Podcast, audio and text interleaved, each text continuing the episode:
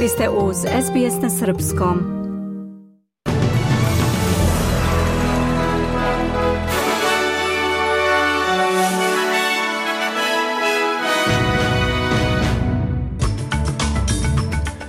Izborna komisija poziva građane da ne nose oznake kampanja za i protiv kada budu glasali na referendumu.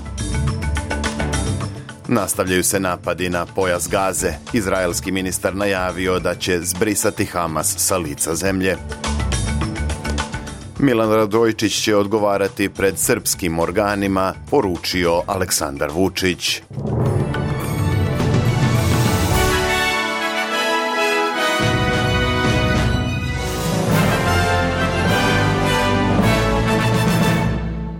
U Australiji se u subotu održava referendum o glasu prvih nacija pri parlamentu. Iz izborne komisije savjetuju građane da na glasačkim mestima ne nose oznake i materijale kampanja za i protiv, kao što su majice ili drugi rekviziti. Zvaničnici izborne komisije bi to mogli da protumače kao vođenje kampanje unutar glasačkog mesta, što po zakonu nije dozvoljeno. Glasači koji bi se pojavili s takvim oznakama mogli bi da budu izbačeni sa glasačkog mesta, pošto je bilo kakva kampanja u krugu od 6 metara oko birališta zabranjena. Do sada je pravo prevremenog glasanja na referendumu iskoristilo oko 4 miliona australijanaca.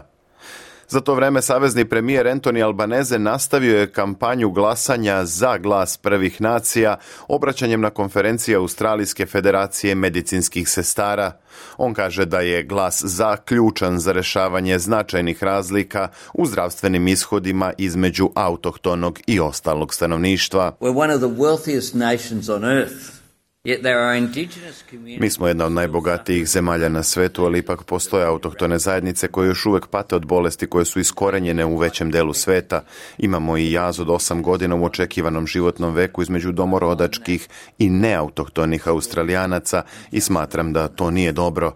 A glasanje protiv zapravo znači da sasvim je u redu ovako kako je sada i mi ne možemo da učinimo ništa drugačije. Ali to nije tako, poručio je premijer a nezavisna senatorka Lidija Torp tvrdi da će neuspeh referenduma o glasu prvih nacija pri parlamentu zapravo biti pobeda za suverenistički pokret Black. Torp već dugo vodi kampanju protiv predloga vlade, nazivajući ga uvredom za starosedelačke narode, a glas ocenjuje kao nemoćno savjetodavno telo koje se ne bi bavilo sistemskim pitanjima. Suverenistički pokret Black, koji senatorka Torp podržava, želi da izostavi glas kao komponentu u luru saopštenja i srca i da se fokusira na postizanje sporazuma između vlade i prvih nacija, kao i na iznošenje istine. Torp je u izjavi za ABC radio rekla da ne želi da autohtoni australijanci budu priznati u onome što ona smatra rasističkim ustavom. Poraz opcije za na referendumu vidim kao pobedu suverenističkog pokreta ove zemlje koji se opira o kolonizaciji više od 200 godina. Odupirali smo se ustavnom priznanju i kada su premijer Howard i njegove konzervativne kolege prvi put došle na tu ideju, tako da bi ovo bila apsolutna pobeda. Biće to početak pravog isceljujućeg putovanja koje ova zemlja mora da pređe pre nego što bilo ko bez nas donese bilo kakvu odluku o nama, kaže Lidija Torp. Kineske vlasti pustile su na slobodu australijsku novinarku Cheng Lei koja je u Pekingu bila osuđena na dve godine i 11 mjeseci zatvora zbog nezakonitog odavanja državnih tajni stranim državama. Bivša voditeljka kineske državne televizije stigla je kući u Melbourne nakon što je u pritvoru u Kini provela više od tri godine. Ministarka unutrašnjih poslova Claire O'Neill kaže da je puštanje Leove iz kineskog zatvora svetao trenutak u mračnom dobu za svet. It's been a of complete darkness. Um, bila je ovo nedelja potpunog mraka na planu međunarodnih vesti i oslobađanje Čengleje kao zrak sunca. Ona je prošle godine napisala da u zatvoru vidi sunce samo 10 sati godišnje, ali sada je opet ovde kod kuće sa svojom porodicom. Želim da poručim njoj i njenoj porodici da je naša zemlja presrećna zbog njih i zbog toga što njena deca ponovo mogu da vide svoju majku koja je opet kod kuće gde joj je i mesto. Oslobađanje novinarke Cheng Lei usledilo je kao još jedna potvrda unapređenih odnosa između Kine i Australije u posljednje vreme. Opširnije o ovoj temi govorit ćemo kasnije u našem programu.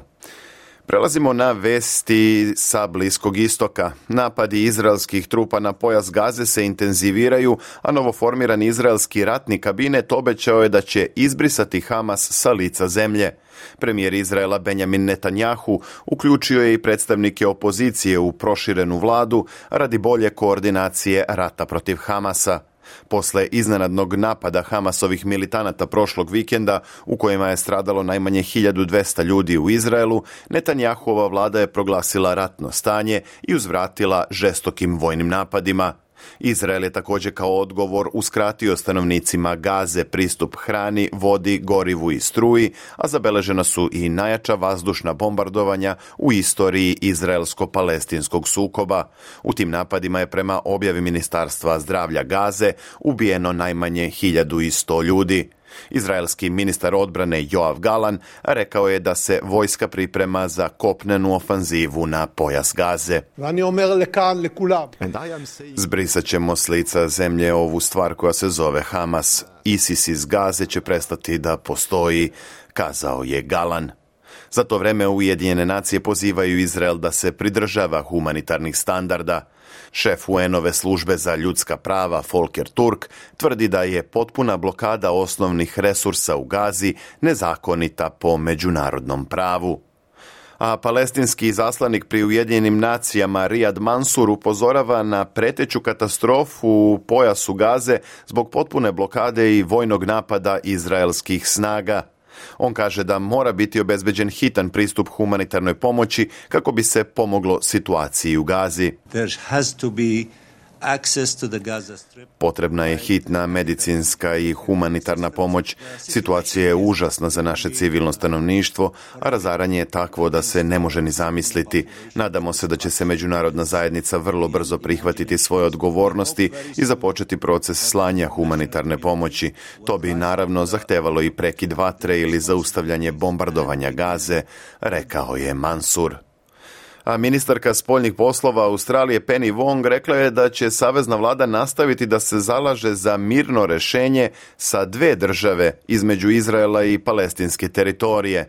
Wong međutim izražava strahovanje da je napad Hamasa samo još više udaljio nade u mir i autonomiju palestinaca.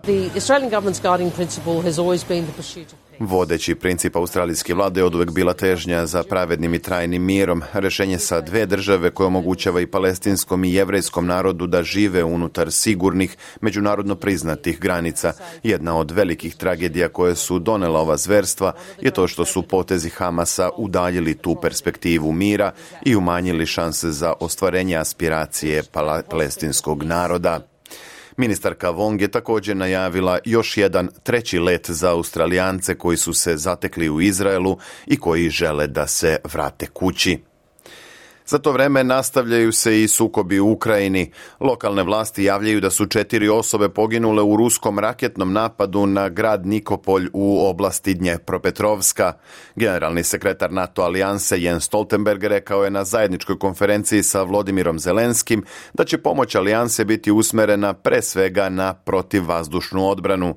I Sjedinjene američke države su poručile da će podržati Ukrajinu u njenom ratu protiv Rusije onoliko dugo koliko bude potrebno. Uprko situaciji na Bliskom istoku i unutrašnjem političkom haosu u Kongresu Sjedinjenih država, američki sekretar odbrane Lloyd Austin kaže da će njegova zemlja nastaviti da pruža podršku Ukrajini. On predviđa i da će uslediti još jedno snažno bombardovanje Ukrajine od strane ruskih snaga tokom zime. Ova naša koalicija nastavlja da stvara istoriju s jedinstvom i nepokolebljivom podrškom Ukrajini. Trebalo bi da budemo spremni da će Kremlj ponovo bombardovati Ukrajinu ove zime krstarećim projektilima i bespilotnim letelicama i očekujemo da će se ukrajinski gradovi, civili i infrastruktura ponovo namerno naći na nišanu Putinovih snaga. Predsjednik Srbije Aleksandar Vučić izjavio je da će se tek vidjeti kakav će paket 21. oktobra doneti zaslanici iz pet zapadnih zemalja, odgovarajući na pitanje da li očekuje dodatne pritiske tokom posete petorke u kojoj su i zaslanici Evropske unije, Sjedinjenih država, Francuske, Nemačke i Italije, Vučić je istakao da ne zna šta znače dodatni pritisci jer se svakog dana, kako je rekao, suočava sa pritiscima. Suočavate se sa tim da jedan deo ljudi želi s polja da ograniči Srbiju, da spusti snagu Srbije i naravno u tome pronalaze pomagaču u našoj zemlji. Da vi imate, jel vi ljudi razumete šta se dogodilo? Neko je pisao pismo Đozepu Borelju iz ove zemlje. Ne da uvodi sankcije Kurtiju, ne dovodi sankcije onima koji maltretiraju srpsku decu, srpske bebe, koji maltretiraju srpske ljude na Kosovo i Metohiji. Ne, oni su pisali nekome da se uvedu sankcije protiv lidera njihove zemlje. Aleksandar Vučić je najavio i da uskoro putuje u New York na sednicu Saveta bezbednosti Ujedinjenih nacija koja će 23. oktobra raspravljati o izveštaju UNMIKA. Predsjednik Srbije je rekao i da će Milan Radojičić, koji se tereti da je bio vođa oruženog napada na kosovsku policiju, odgovarati pred srpskim organima i da tek predstoji podizanje optužnice. Mandatar za sastav nove crnogorske vlade Milojko Spajić ponudio je Demokratskoj Crnoj Gori da bude deo nove većine, što je ova stranka i prihvatila. Tako će uz manjinsku podršku koalicije za budućnost Crne Gore mandatar imati glasove 49 poslanika za formiranje vlade, prenosi radiotelevizija Crne Gore. Demokratama je ponuđeno šest mesta u vladi i mesto zamjenika premijera. Pozicija predsjednika parlamenta pripašće koaliciji za budućnost Crne Gore, odnosno najverovatnije Andriji Mandiću. Lider demokrata Aleksa Bečić prihvatio je da se zbog deblokade procesa odrekne pozicije šefa parlamenta. Umjesto toga on će dobiti dodatne pozicije u vladi. Demokratama bi trebalo da pripadne bezbednostni sektor, a SMP bi zadržao postojeće resore. Predsjednik Crne Gore Jakov Milatović nije imao komentar na mogućnost ovakve raspodele snaga u vladi. Kako je rekao, pomalo ga brine situacija, ali i dalje veruje da će mandatar Spajić uspeti da obavi zadatak koji mu je on poverio. Na međunarodnom tržištu valuta jedan australijski dolar danas vredi 64 američka centa, 60 euro centi, 52 britanska penija i 70 srpskih dinara i 90 para. Od sportskih vesti danas izdvajamo. Bugarski teniser Grigor Dimitrov eliminisao je drugog igrača sveta Carlos Alcarasa u osmini finala Mastersa u Šangaju. Dimitrov je pobedio sa 2-1 u setovima i u četvrtfinalu će igrati protiv Čileanca Nikola Saharija. S druge strane, Alkaras je posle neočekivane eliminacije izjavio da se njegov pokušaj da preuzme prvo mesto na ATP listi od Novaka Đokovića do kraja godine sada dodatno komplikuje. Posle poraza u Šangaju, Alcaraz ima 8805 bodova, što je za 2200 manje u odnosu na Đokovića, koji će na narednoj listi imati 11045 bodova. U Beogradu su izvučeni parovi šestnestine finala Kupa Srbije u futbalu. Branilac trofeja Crvena zvezda igraće u Kruševcu protiv drugoligaša Trajala, dok ekipu Partizana čeka gostovanje jedinstvu na Ubu. U šestnestini finala Kupa odigraće se i novosadski gradski derbi između Vojvodine i Novog Sada, kao i beogradski duel Radničkog i Čukaričkog. Utakmice Kupa na programu su 1. novembra a ženska rukometna reprezentacija Srbije zabeležila je ubedljivu pobedu protiv Bugarske u kvalifikacijama za Evropsko prvenstvo 40-16. Meč u Zrenjaninu rešen je već posle prvog poluvremena kada je Srbija vodila sa 23 prema 8. U drugom meču iste grupe Crna Gora je kao domaćin pobedila Tursku 39-23. Rukometašice Srbije naredni meč u kvalifikacijama igraju u nedelju 15. oktobra u Ankari protiv Turske. Evo i vremenske prognoze za sutra. U Sidneju sunčano, ali sa značajno nižom temperaturom nego danas, maksimalno 23 stepena. Za Melbourne se predviđa oblačno i 17, a u Kamberi uglavnom sunčano i najviše 19.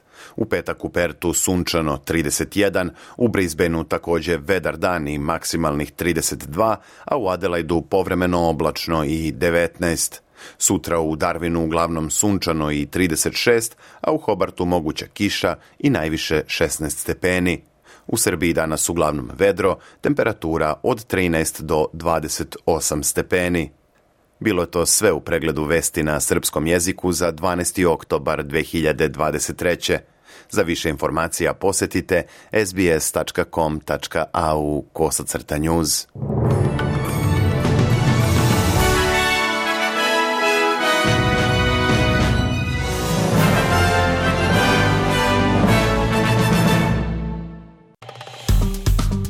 dajte like, podelite, komentarišite. Pratite SBS Serbian Facebook profil.